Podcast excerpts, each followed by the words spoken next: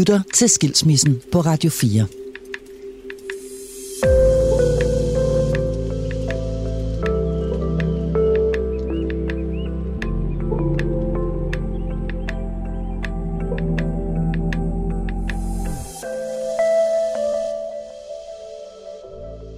så skulle jeg gå forbi det hus, hvor jeg havde boet i 23 år. Og øhm, den der følelse at kigge op og se det der lys og og i vinduet og vide, at måske min søn er ved at blive puttet, og måske vide, at han savnede mig. Det er nok noget af det sværeste, jeg nogensinde har prøvet i mit liv. Det her er Lars Pedersen. Men du kender ham nok bedre under kunstnernavnet Chief One. Lars er kommet på besøg i mit kolonihavehus, og vi skal tale om den livskrise, som førte til hans skilsmisse. Sangskriver og musikproducer Chief One er født i 1970. Allerede som 14-årig dannede han Danmarks første rapgruppe, Rockers by Choice. Det satte gang i en karriere som succesfuld musikproducer, hvor han producerede for alle fra Knacks til Michael Falk. I 2016 gik Lars solo og udgav sin første single, Man skal dø, før man finder vej. Et resultat af den livskrise og skilsmisse, han går igennem året forinden. Lars og hans ekskone var sammen i 23 år og blev i 2011 forældre til en søn. Ej, hvor er det dejligt her. Det minder om et sommerhus ude i Sverige. Jeg gør det. Jo, det er skønt. det er og også bare duften af, når der bare lige er noget varme og træ. Det er fantastisk. Ej, hvor hyggeligt. Det er mit sommerhus midt i København. Ej, hvor er det fedt. Vi starter Lars' fortælling et godt stykke inde i hans parforhold. Efter 18 år sammen får parret et barn. Vi skal, vi, skal, vi skal skabe ny energi, og det var ikke netop den der, som, det var ikke for at redde noget, fordi det var faktisk ikke vores forhold, der var noget galt med overhovedet. Øhm, det var, så det var ikke den der så vanlige, nu går der helvede til, nu får vi et barn. Det var faktisk ikke noget med det. Det var mere tilværelsen på en eller anden måde trængte til et nyt kapitel, en fornyelse, at der skulle komme en, en, en ny energi mm. og en ny kærlighed. Ikke? Og det var jo fuldstændig, som de sagde, du ved, jeg kan huske, jeg havde at høre det der før, det der med, ja, men du ved, når først har fået et barn, så bliver jo bare, alting ændrer sig og alt muligt, og mm. man var bare sådan, ja, ja, okay, men vil det så sige, det her liv, jeg lever nu, er bare ikke noget, eller hvad fanden mm. sker der, ikke? Men det, det skal love for, ja, det skete, ikke? Fordi man får virkelig hovedet ud af sin egen røv, og man virkelig det der ansvar over for det der lille liv, og vide, at hvis jeg går nu, så dør det her lille liv. Altså mm. det der kæmpe ansvar, ja. der er. Det er så, så fantastisk, men det, er også, det kan også være skræmmende. Du ved, jeg huske nogle gange, åh nej, nu kan han ikke sove, og så lå man selv og var helt vågen, og man var bare sådan, ja, men du ikke kender, kender det der i starten, der, Nå, men hvis ikke kan trække vejret, eller alt det der angst, og så kom sygeplejersken hjem, hej, han vejer for lidt, og så sad man og græd, fordi han vejede, du ved, 200 gram for lidt, ikke? Og, og, og det var sådan helt, og hun, hun brugte bare sådan en, ja, hun var også en overdramatisk sygeplejerske, sådan, det er godt det det er godt, ikke? Og så sad man der tude, og man tænkte, fuck, nu går det helt galt, ikke? Så var der alligevel en skid, ikke? Altså, det er jo også derfor, man siger, at det kan du måske ikke genkende til, når man så begynder at få det andet og tredje barn, så, så sidder de ude på motorvejen og leger med barberblader, der er man måske lidt mere loose, fordi at, Man bliver lidt mere chill. Ja, måske er det, fordi mm. det har gjort så, det har været så hårdt mm. for ens sjæl, øh, at man nærmest mm. ikke orker at skulle... Mm. Altså, så man sætter vel en eller anden form for, for skjold. Sønnen vender op og ned på Lars' verden. Han oplever en kærlighed og ansvarsfølelse som aldrig før. Men da hans søn er omkring fire år, kan Lars alligevel mærke, at der er noget galt. Kærligheden til sønnen er fuldstændig uforandret, men forholdet til hans ekskone begynder at skrante i takt med, at Lars får det dårligt mentalt. Der var både en depression, der var en krise, der var en, en, en stress, og der var en, en, et tab af kærligheden, og der var et tab af livsløsten, og der var et, et, et, et, et bare en, okay, hvad, hvad, hvad, ja, den klichéen over dem alle, hvorfor er jeg her, ikke? Øhm, hvad skal jeg egentlig? Hvad, hvad, hvad fanden er meningen med alt det? Har det hele været forgæves? Altså, du ved, alle de der ting, og jeg tror, det kom over en lang periode, fordi over, når jeg tænker tilbage over en lang periode, kan jeg bare huske, at jeg var sådan hele tiden, jeg skulle aldrig rigtig helt glad ved. Jeg var ved at blive ham, der sad og råbte af sit fjernsyn, og var mega bitter, og syntes, at alle med succes var nogle idioter. Ikke? Og det var dybest set, fordi jeg ikke selv mm. havde en, en, en sjælelig succes. Um, det var ikke, nu snakker jeg ikke på sådan materialistisk, men jeg var bare ikke glad, jeg var ikke tilfreds. Og jeg var bare, jeg var bare drevet ud på sådan et stort, åbent hav, hvor det hverken var sommer, sol, vinter eller overskyet. Det, det var ingenting. Det var bare sådan en... Men der var heller ikke vild bølgeskvulp. Nej, der var, der var ingenting. Man ved jo ikke, hvor længe man har rendt rundt, måske ubevidst, og kæmpet for kærligheden. Det kan man have gjort i mange år. Men det der med lige pludselig godt, så tager vi lige på et weekend, øh, du ved, til Nice, så tager vi på et hotelophold, mm. så reparerer vi kærligheden. Det er jo ikke, det, det, det, er jo ikke, altså det er jo lige så dumt som det der med, om får vi et barn, og så redder kærligheden. Den reparation af kærligheden er jo noget, der skal ske hver eneste dag. Og hvis mm. den, ikke, den reparation ikke har været der i tre år, jamen så brænder bilen sammen. Og så kan du bare ikke gøre noget, og der var bare ikke mere. Og jeg er enormt glad for den tid, vi havde, og jeg har slet ikke noget som helst dårligt eller negativt at tilføje på min eks overhovedet. Jeg er super glad for, at det er min søns mor. Øh, og jeg, jeg lyttede bare til mig selv efter rigtig, rigtig mange år. Og det er der nogen, der kan sige er en egoistisk handling, men jeg tror jo bare på, at hvis jeg skal vise min søn, at jeg, hvis jeg skal lære ham at være glad mm. og lykkelig, og stå ved sig selv, så skal jeg også selv gøre det. Jeg ser tit min skilsmisse som en bestig Mount, Mount Everest. Ja. Um, altså, du skulle opad på, at du skulle bestige noget, du skulle forsere noget. Ja, fucking hårdt. Jeg skulle, be, jeg skulle bestige og forsere trygheden. Og den her sådan, tryghed, som var blevet til sådan en, en, en, en, en forhindring i, i, i virkeligheden at gribe ud. Jeg, jeg havde hele tiden sådan en, en, en, en, en syn, at jeg så sådan en, der var sådan en, en gitterport, metalport, og bag den metalport, der var der bare uendeligt lys og af ting. Men det var ligesom den der skide jernport, jeg ligesom skulle have modet til at åbne. Jeg havde en oplevelse, hvor jeg ligesom tænkte, at du ved, okay, der er et eller andet her, som ikke er, som det skal være efter lang tid. Hvor jeg så sad ude i min have, ude i Vandløse, og sad lige pludselig og røg ind i sådan en tanke om, hvis nu du var den sidste dag på jorden, det her, du lige sad og foran dit livs sidste solnedgang, ville det så være den her følelse, du vil forlade jorden på. Og så blev jeg faktisk uendeligt trist, fordi at det gik op for mig, at det ville være forfærdeligt, eller det ville være rigtig hårdt at skulle have den følelse den sidste dag, fordi du ville jo med det samme sige, fuck man, hvorfor, hvorfor rejste du dig ikke? Mm. Og der tror jeg, jeg er begyndt med små skridt at sige, at jeg, jeg, jeg må acceptere, at jeg er ved at lukke et kapitel i mit liv. Mm. Et uendeligt langt og smukt og flot og givende kapitel, men som ikke længere var. Efter 23 års forhold vælger Lars at gå fra sin kone, og hans søn bliver til et skilsmissebarn. Selvom Lars mest af alt har lyst til at flygte langt væk, bliver han i byen. For at være tæt på sin søn, vælger han at flytte ind i sit musikstudie, der ligger lige i nærheden. Jeg skal ikke være sådan en, der rejser til du ved, øh, Roskilde eller Aarhus eller et eller andet egoistisk en, og bare siger, jamen, så må min søn jo bare komme. Det kommer aldrig til at ske, og det vil aldrig nogensinde ske, og jeg forstår ikke folk, der gør de der ting. Det er så min mening. Så jeg havde, nu flytter jeg det op, der kender han, han har været der i hele sit liv, han ved, hvad det er. Jeg skal ikke begynde på et eller andet med at flytte, du ved, han skal mm. ligge og du ved, så det var meget tæt på, så det var trods alt det, men der begyndte jeg så at leve derop.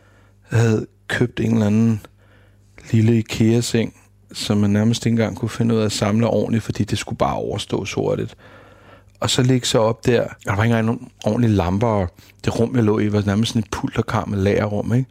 Og man lå der i en alder af 46, i en lille ting, i sådan et pulterkammer, og tænkte, okay, fuck, og ved, velvidende, at min søn lå derhjemme, og sandsynligvis græd.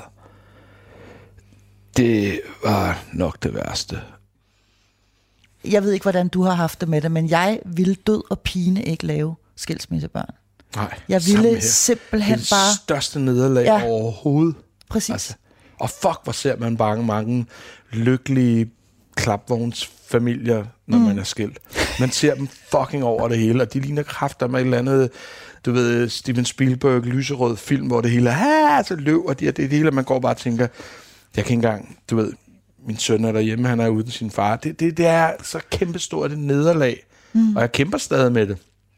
Kæmper stadig med, og man klinger sig til alle, man møder, som er skilsmissebørn, eller også er i samme situation. Fortæl mig noget godt, fortæl mig noget godt. Mm. Du ved, jeg kan huske, mm. jeg havde, havde en snak med Pillefinger, som, som også var gået fra sin, uh, sin, sin og han havde bare nogle rigtig gode historier, ikke? og jeg sad bare og lappede det til mig. Ikke?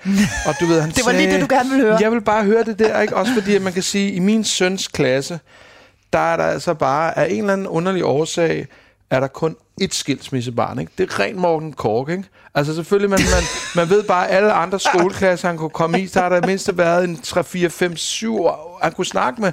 Så han føler sig jo bare, som om han er landet på en eller anden planet, du ved. Og så er du klart, så begynder han måske at tænke, jamen er det så min skyld, fordi du ved, når jeg tager hjem til legeaftaler hos de andre, så sidder mor og far Og der, de er enormt lykkelige alle sammen. Og det er så det er de jo ikke, for mig. Jamen, det ved jeg godt, men og jeg vil jo gerne kunne fortælle det til en 10 år. Jeg ved, at han forstår det på et tidspunkt, men det må være så uendeligt svært at lave de der legeaftaler. Og så kommer jeg hjem og henter, du ved, min søn, og så sidder han der og spiser sammen med familien. Du ved, og jeg siger ja. sådan, det kunne jeg ikke give mand. Fuck, jeg er en fucking failure, ikke? Når jeg ser tilbage på de to år, hvor i hvert fald et år, hvor hele det der løsrivelsen mm. af et forhold, der havde været 23 år, som var et liv, hvor man trak vejret på samme tidspunkt. Man vidste præcis, hvad den ene og den anden tænkte.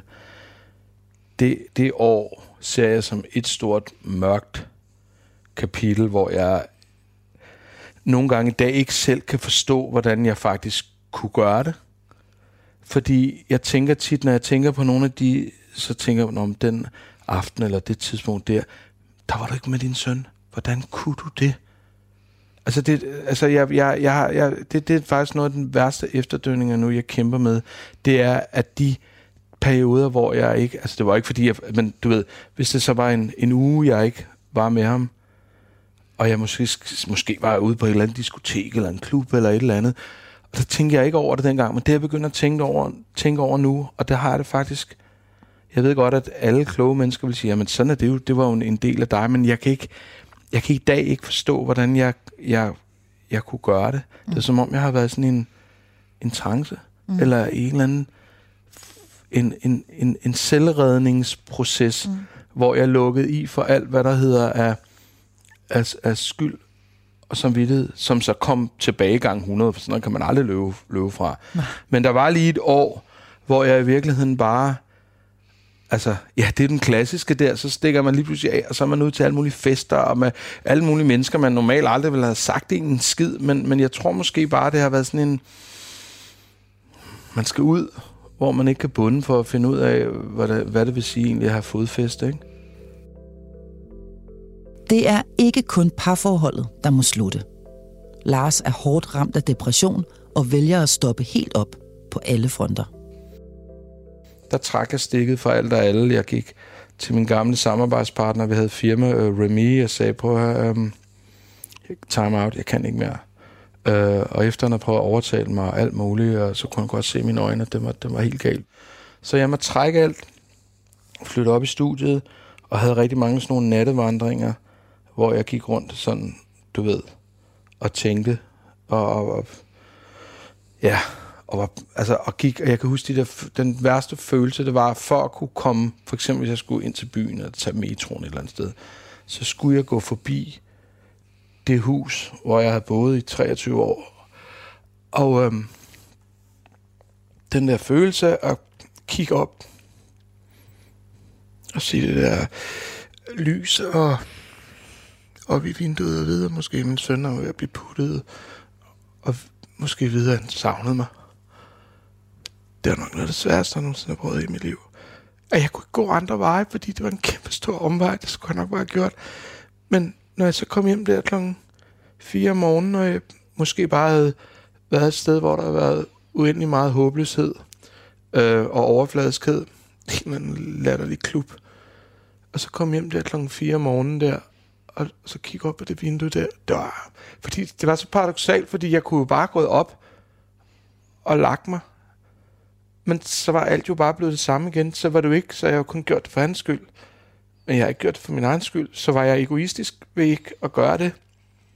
Eller gjorde jeg, altså, gjorde jeg det rigtigt, eller gjorde jeg det forkert? Fordi der var der også perioder, hvor man tænkte, Nå, måske skulle jeg bare gå op og så gå ind i den rolle igen, bare for hans skyld. Fordi jeg kunne ikke jeg kunne klare den smerte ved at vide, at han lå. Og det der følelse, når man skulle aflevere ham, og så man bare kunne høre hele vejen ned ad gaden, kunne man bare høre, han råbte på mig. Det er sindssygt. Kunne du høre, han, Ja, han skreg efter dig? ja.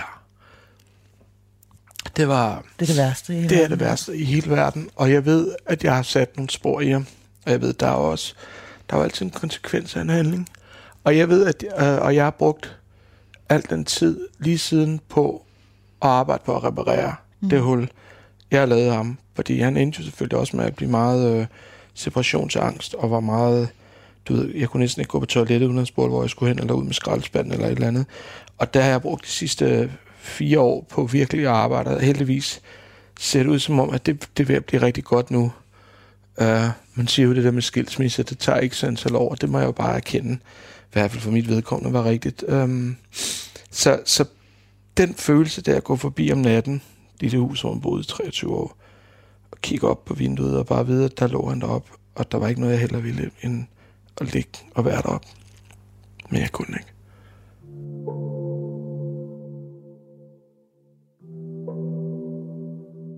Lars er alene, og han har det bestemt ikke godt.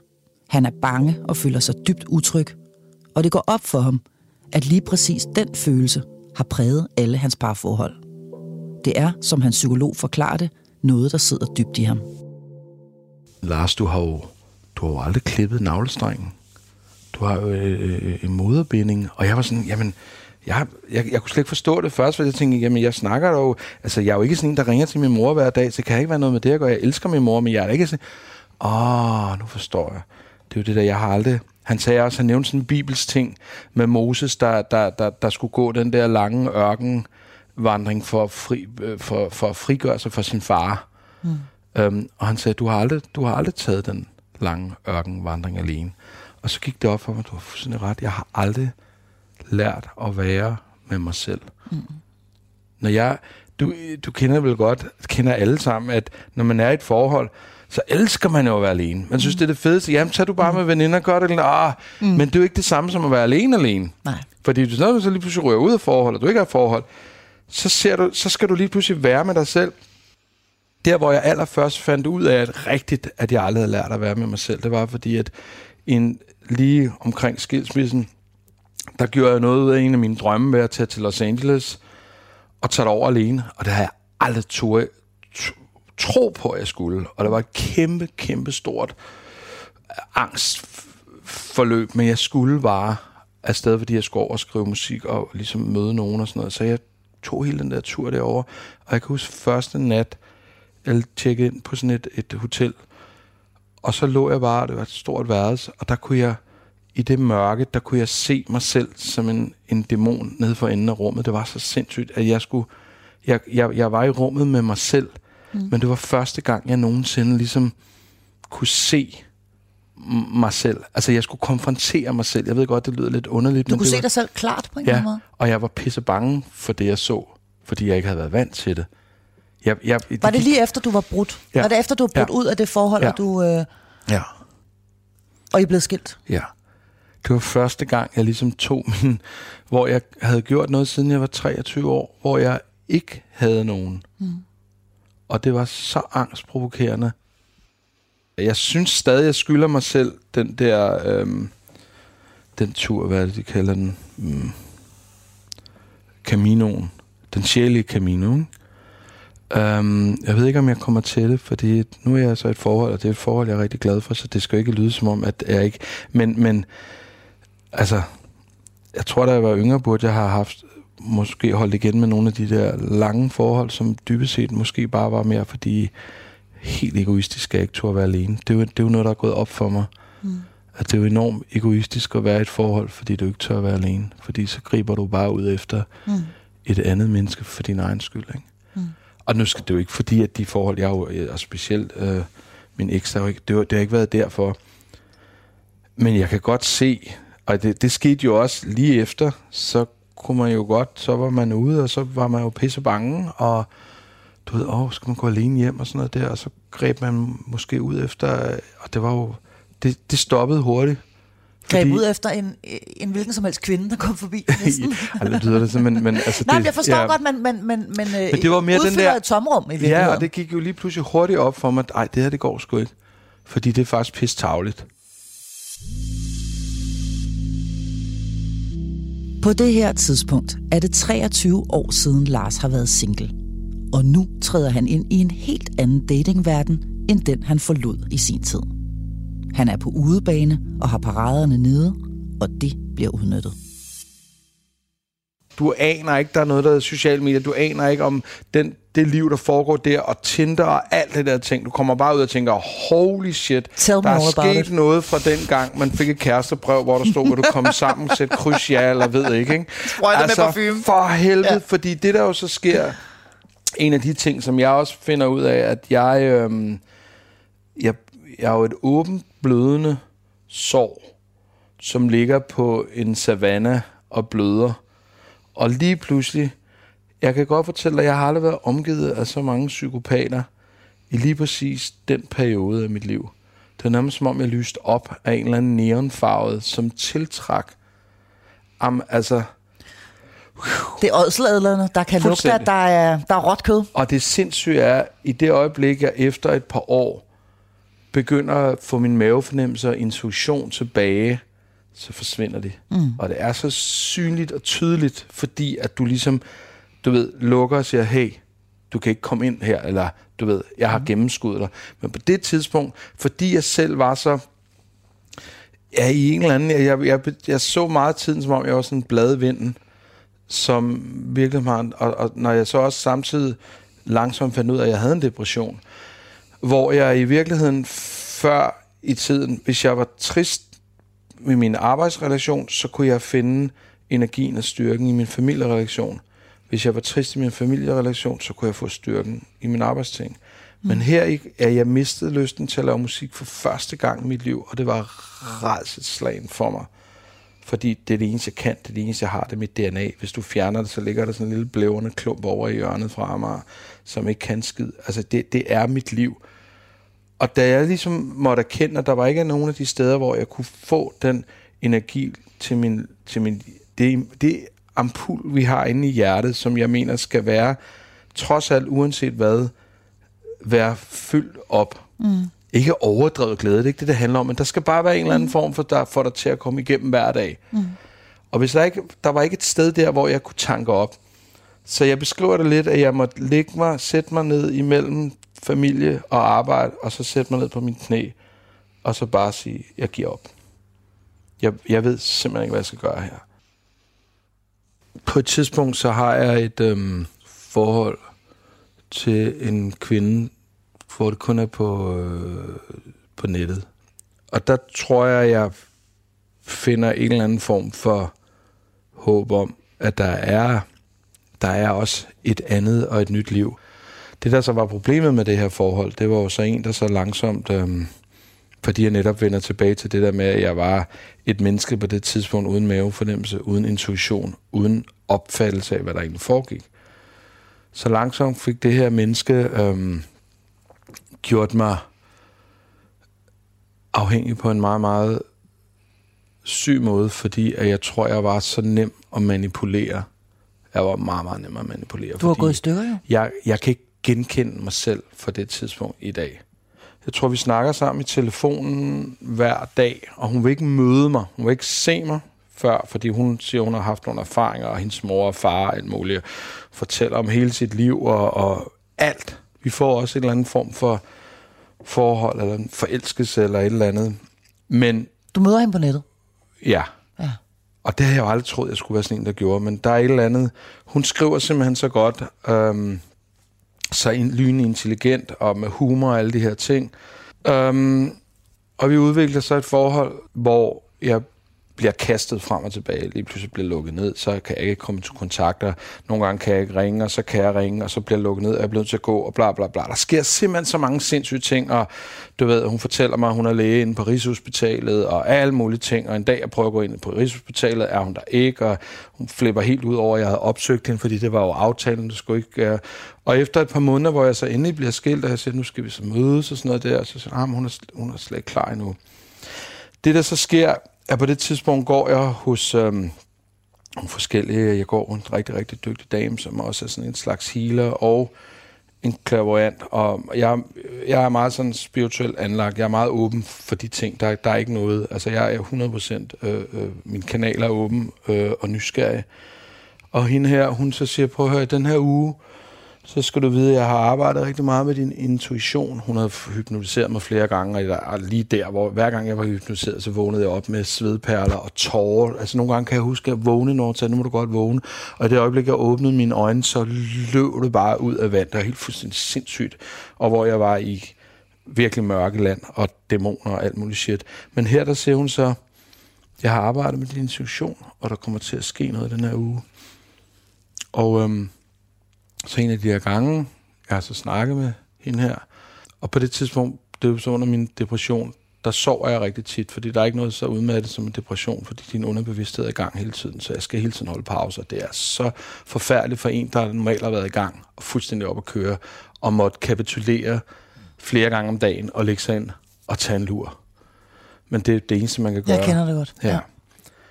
Men her så vågner jeg bare lige pludselig, bum, og så står det bare snore klart, fordi min intuition virker igen. Hun eksisterer ikke.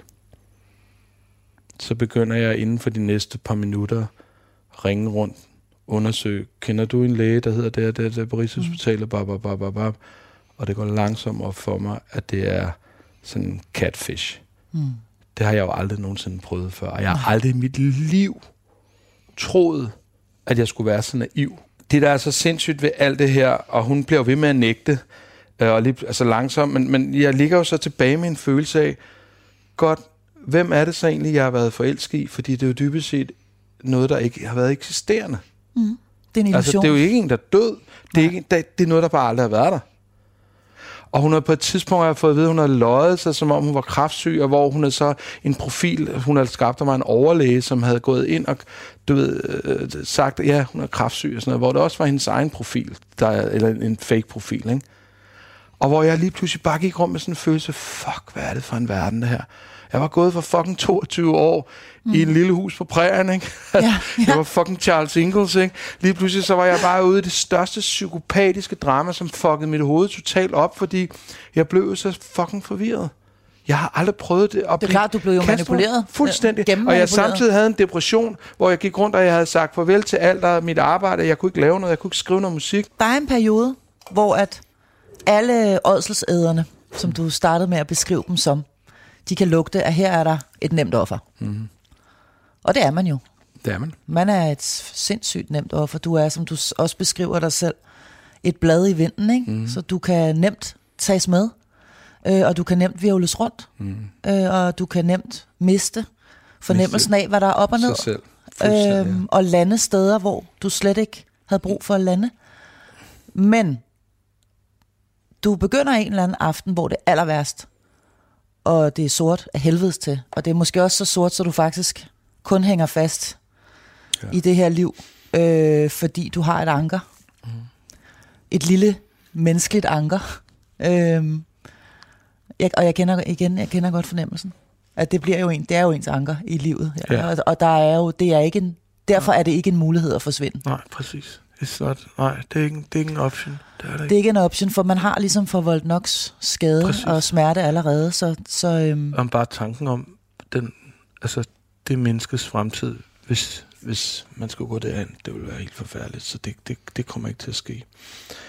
Um, men, men det allersorteste mørke, og det allersorteste hul, der er du nede. Er det, er det bunden, du rammer der, Lars?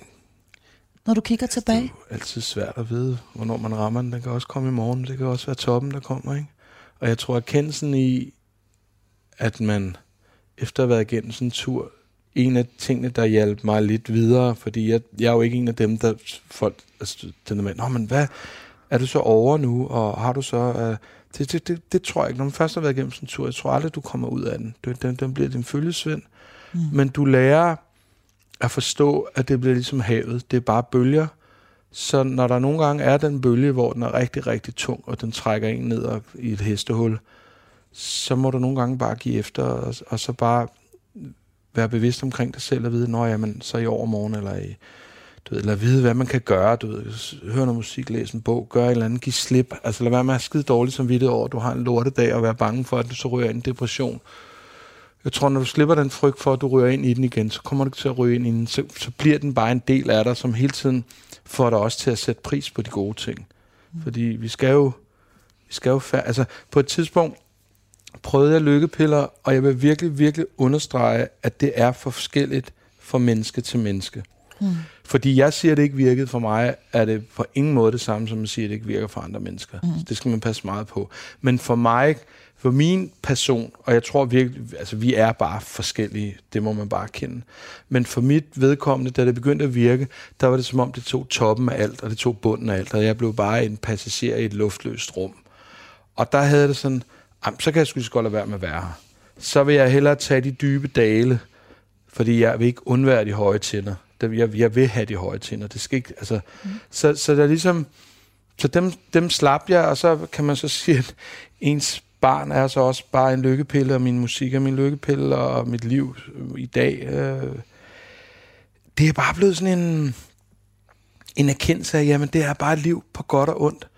Altså forsøg ikke at være sådan desperat. Nå, men så går jeg ud, og så gør jeg lige eller andet. Og du ved ikke. Øh, ja, altså erkend, at vi er bare... Vi er følelser. Det er det eneste, vi er.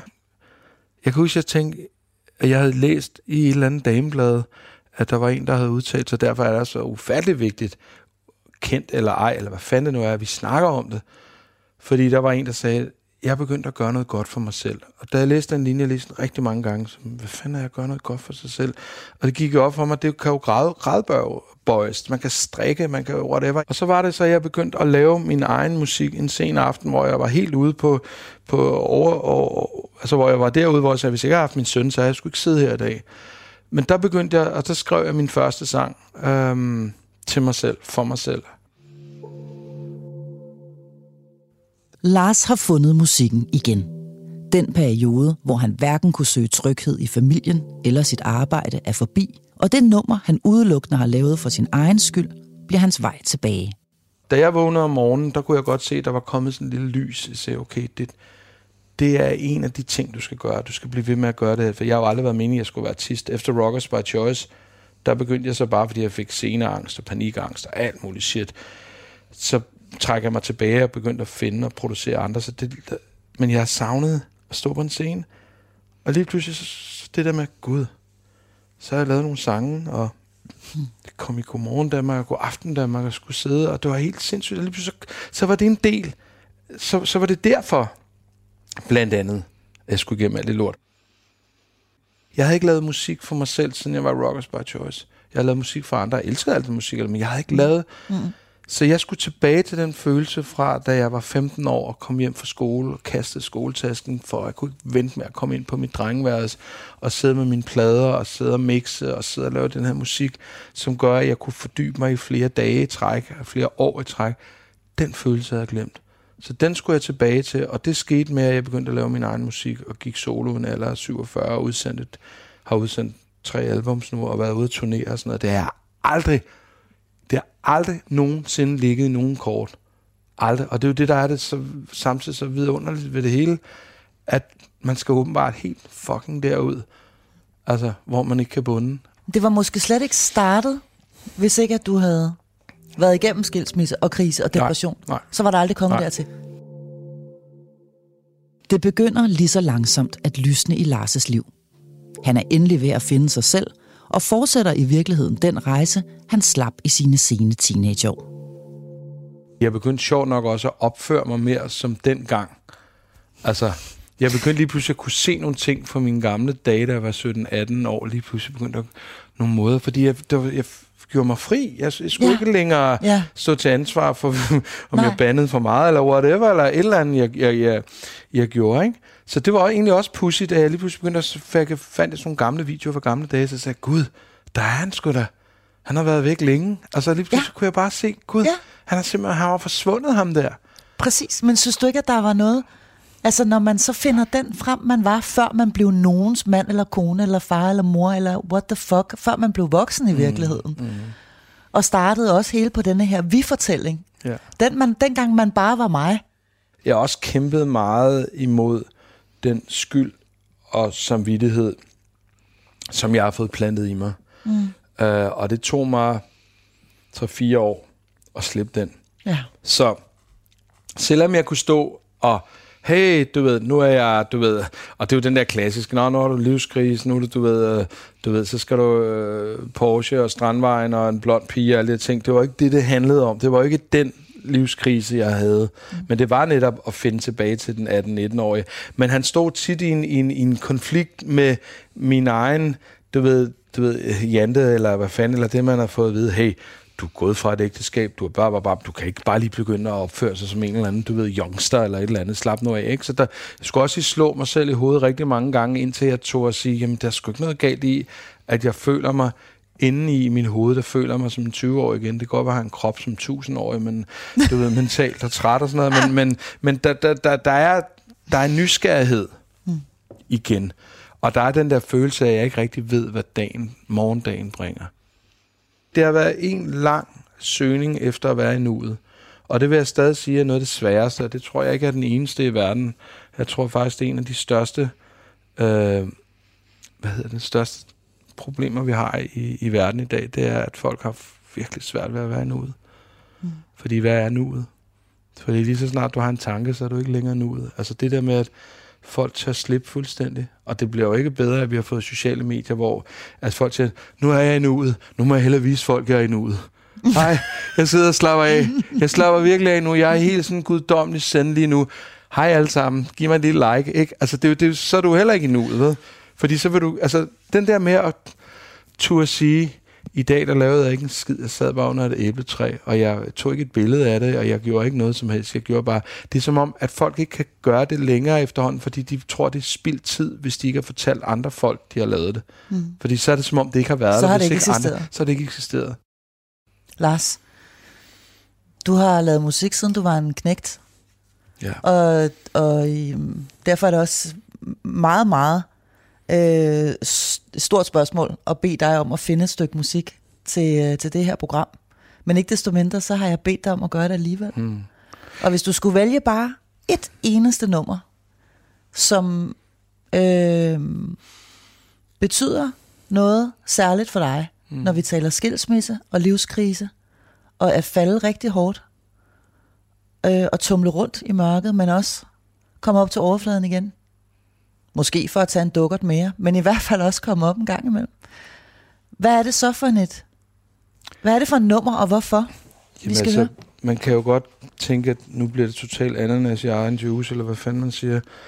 Uh, men, men jeg kan ikke gøre andet end at spille den sang, som jeg skrev den aften, nat, hvor det var aller værst. Hvor jeg satte mig ned og sagde, jeg, jeg, jeg, hvad kan jeg gøre godt for mig selv? Mm. Fordi det skal jeg gøre her nu. Nu skal der gøres noget. Mm. Fordi ellers så, så er der måske ikke. Og der skrev jeg den her sang, og jeg, det syrede er, at jeg skrev den på under en time. Og jeg havde ikke lavet musik for mig selv siden 1995 eller sådan noget. Så, så hele den her sang beskriver livskrisen, depressionen, skylden, øh, ja, skilsmissen, alle de her ting er, er skrevet i den her sang præcis på det tidspunkt, hvor det skete. Det er ikke engang skrevet i bagspejlet eller i frontspejlet eller noget som helst spejl. Det er skrevet her nu. Og det er en sang, der hedder, at man skal dø lidt, før man finder vej. Og det er med mig selv. Ja, den skal vi høre nu.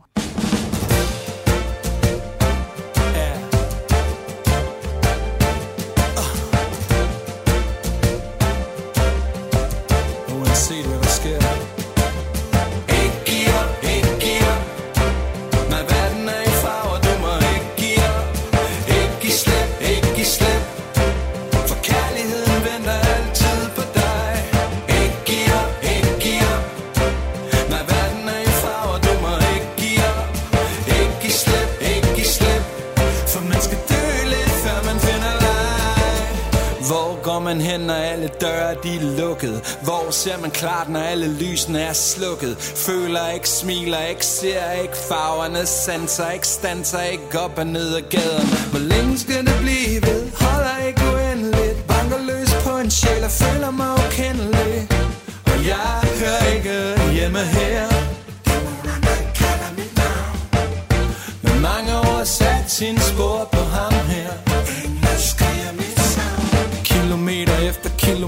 har jeg vandret. Været på det samme sted, men alt er forandret. Du siger, jeg bliver okay, og jeg nok skal komme over. Men lige nu ved jeg knap nok, om jeg vågner eller sover.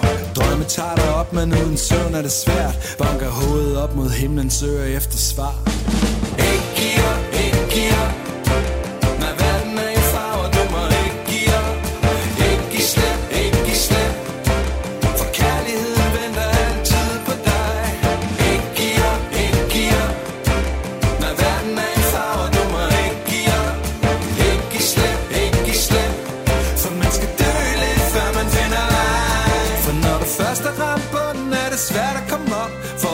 Som du redder, kan ikke mærke din krop Og tænker, jeg hører ikke hjemme her.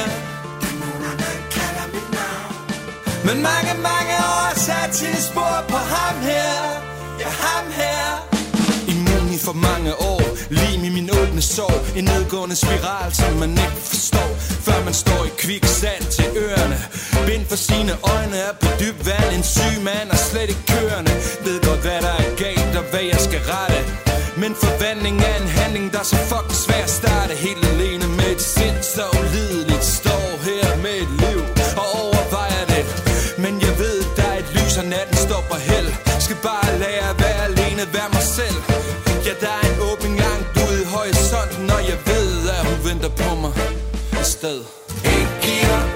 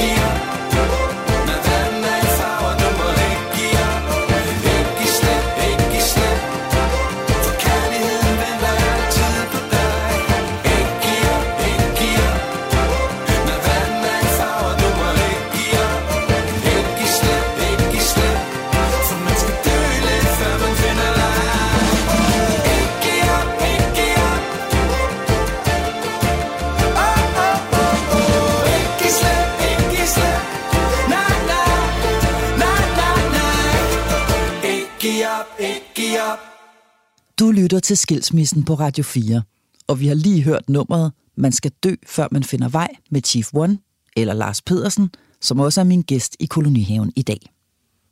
på mange måder er det svært for mig at høre, fordi for det første er den, er den sang, den er snart 6, 6 år, 5 år gammel. Og øhm, jeg er blevet meget bedre, øhm, synes jeg selv. Det skal jeg have lov til at sige. Jeg synes, jeg er blevet meget bedre sanger. Men dengang var det slet ikke meningen, at jeg skulle lave en karriere. Det var en aften, jeg lavede en sang, øhm, hvor jeg beskrev min tilstand. Og det er jo selvfølgelig svært for mig at høre i dag, fordi når jeg hører de ord, så er det jo fuldstændig skrevet, som jeg havde det.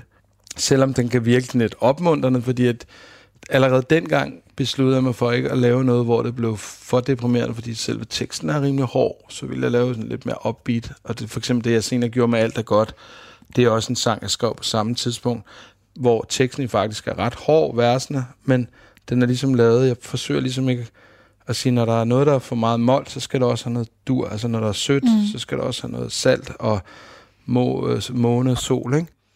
Det, der var det gode ved det, som sagt, det var jo, at jeg så efter kunne begynde på noget, som optog al min tankeaktivitet, fordi så besluttede jeg mig for at udsende den. Øh, det var slet ikke meningen, at jeg skulle udsendes. Og øh, stå frem og fortælle med den depression. Og så kom jeg jo selvfølgelig, eller ikke selvfølgelig, det er jo ikke noget, men så spurgte de så for God Aften Danmark, om jeg ville komme ind og fortælle det. Fordi aviserne begyndte at skrive om det, og det blev jeg faktisk lidt overrasket, fordi jeg tænkte, er, der ikke, er, det, er det ikke normalt, at man, man fortæller om sådan noget? At man ikke kun fortæller, hvornår man har platin og guldplader? Men det var åbenbart ikke, fordi det, der var virkelig, det var virkelig meget i pressen. Og jeg både i Aftenshowet og Godmorgen Danmark og God Aften Danmark. Og jeg specielt God Aften Danmark lavede jeg et interview, som jeg... Jeg kan ikke se det i dag, øhm, fordi jeg lige pludselig blev overvundet af angst live midt under interviewet. Det var, Gjorde du det? Ja, det var... Du fik det simpelthen dårligt, mens du sad der? Ja, jeg fik simpelthen sådan panikangst, og det havde jeg haft en gang i mine unge dage i rockersdagene tilbage i 92, men det havde været væk, det havde jeg lukket ned i en pose, og den havde jeg ligesom vundet over.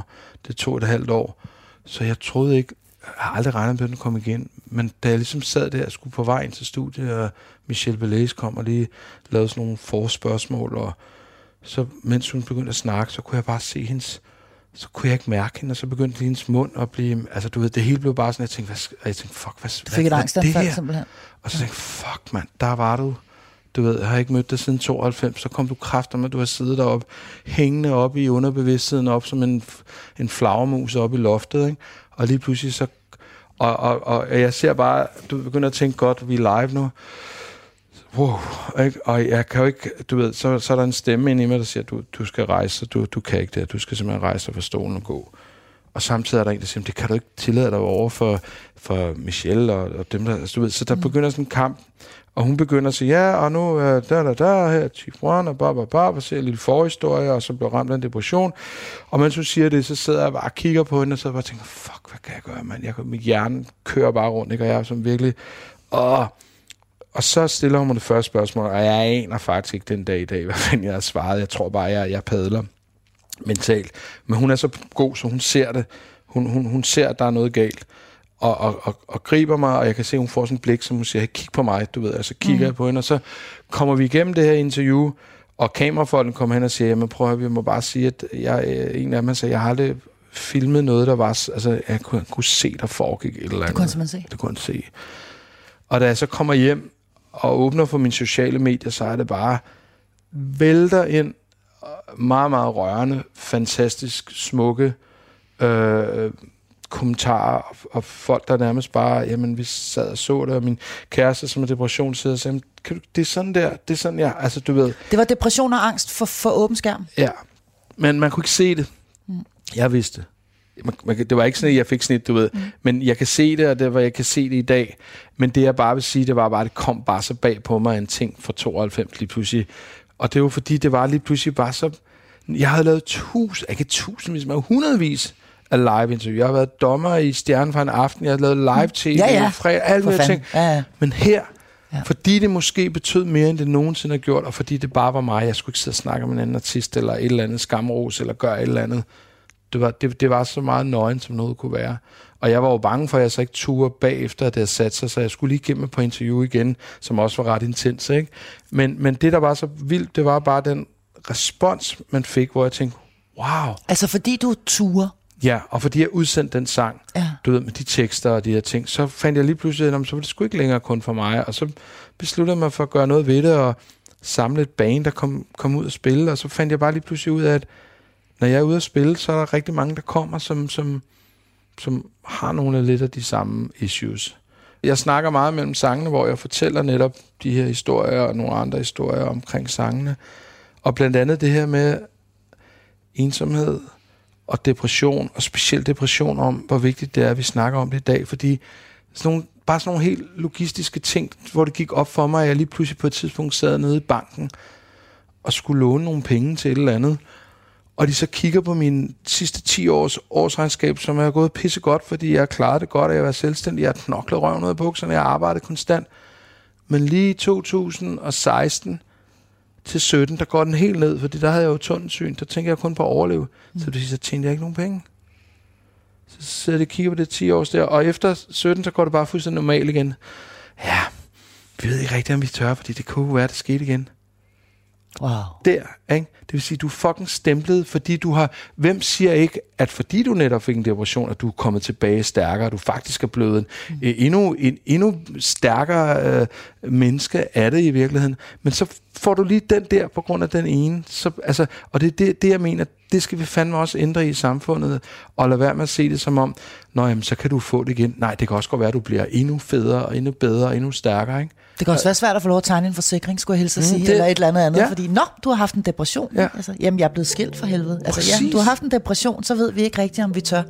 Når du har også taget lykkepiller. Nej, men ved du hvad, så... Øh, Men prøv at høre, så skal ja. Jeg lige hilse at sige, så kan man fandme ikke forsikre nogen som helst på den her planet, fordi da alle sammen har, vi alle sammen har sgu nogle ting, vi går rundt og dealer med, og det er jo også det, der gør os som fantastiske mennesker, fordi ellers er vi jo bare ligegyldige og kedelige og grå. Mm. Altså et, et menneske definerer jeg jo på, også på den smerte, vedkommende har været igennem, fordi det er jo også det, der har lært en at sætte pris på de rigtig gode ting. Og kærligheden. og så er vi tilbage ved børnene mm. til allersidst, Mm. som jo er vores smertenspunkt. Ja. Det er, det er grunden til, at vi... Øh, det er grunden til, at øh, nogle af os i hvert fald overhovedet er her. øh, fordi man indimellem kan have lyst til bare at skride for det hele. Mm. Øh, men jo også vores evige dårlige samvittighed. Det tog mig lige noget tid for at vende mig fra at være cirkusklovns far, som jeg skabte på grund af min dårlige samvittighed. Ikke? Mm. Altså det der med at turde give slip og lade ham blive sur, mm. og ikke tænke, åh oh, nej, nu bliver han sur på, min, med, på mine dage. Det skal han ikke være, så jeg vil gøre alt. Se, hvad jeg kan, øh, og du ved, ud og slå koldbøtter og alt muligt ting. Fuldstændig maniske ting, når jeg virkelig bare fandt ud af, at han havde det allerbedst, når far bare chillede. Ikke? Mm. Allerbedst, når vi så gurle gris eller et eller andet, når vi bare, du lå så Netflix, og jeg selv bare blev lullet ind i de der helt dejlige, rene, naive øh, øh, ting som at opleve sådan noget med sit barn. Eller man samlede et Lego-sæt, hvor det som regel altid var mig, der sad alene med det, men, men Ja, det ender det jo gerne Ja. med. Ja. men da, da, jeg, da jeg turde, fordi det er jo, det er jo egentlig helt åndssvagt, men jeg var jo, jeg var jo bange i starten. Mm. Jeg var bange for, for, ikke for at være med ham, ikke misforstå, men jeg var bange for, at jeg ikke var tilstrækkelig. Og jeg var bange for at opleve noget, hvor jeg sagde, åh, det er min skyld, åh, nu er han forkølet, det er nok på grund af skilsmissen. Altså, du ved, alt, Alt var på grund af skilsmissen. Alt var dårligt. Ja. Um, og det er jo også det, man har en tendens til, som, som ekser og, og os kaster over på hinanden, og det skal man fandme ikke gøre. Vi klarer os igennem alt, og hvis der er nogen, der er stærke, så er det fandme børn. Ved du godt det i dag, at, øh, at det også er okay? Eller er du stadigvæk meget tynget af dårlig samvittighed? Nej, men jeg, jeg, jeg, jeg er tynget over al den tid, jeg ikke får lov til at være med ham. Ja. Det, det er det værste af det hele. Altså, det er al den tid, jeg ikke kan ved, hvad han laver, eller hvis han oplever et eller andet, hvor han smiler, eller er ked af det, eller gør glad, at jeg ikke kan være der og se det. Mm. Alle de ting, som jeg ikke oplevede. Og det har, det har jo min eks jo også på samme måde. Og mm. det, er jo, det synes jeg, at det er måske det, det mest smertelige ved det hele. Men så må man bare fylde, som jeg siger, jeg tæller hans smil. Og det er det, der gør, gør mig glad. Lars, tusind tak, fordi du ville komme Selv ud i mit kolonihavehus. Det er et dejligt sted. Det er et dejligt frirum. Tak. Du skal have tak. Mange, mange tak. Tak.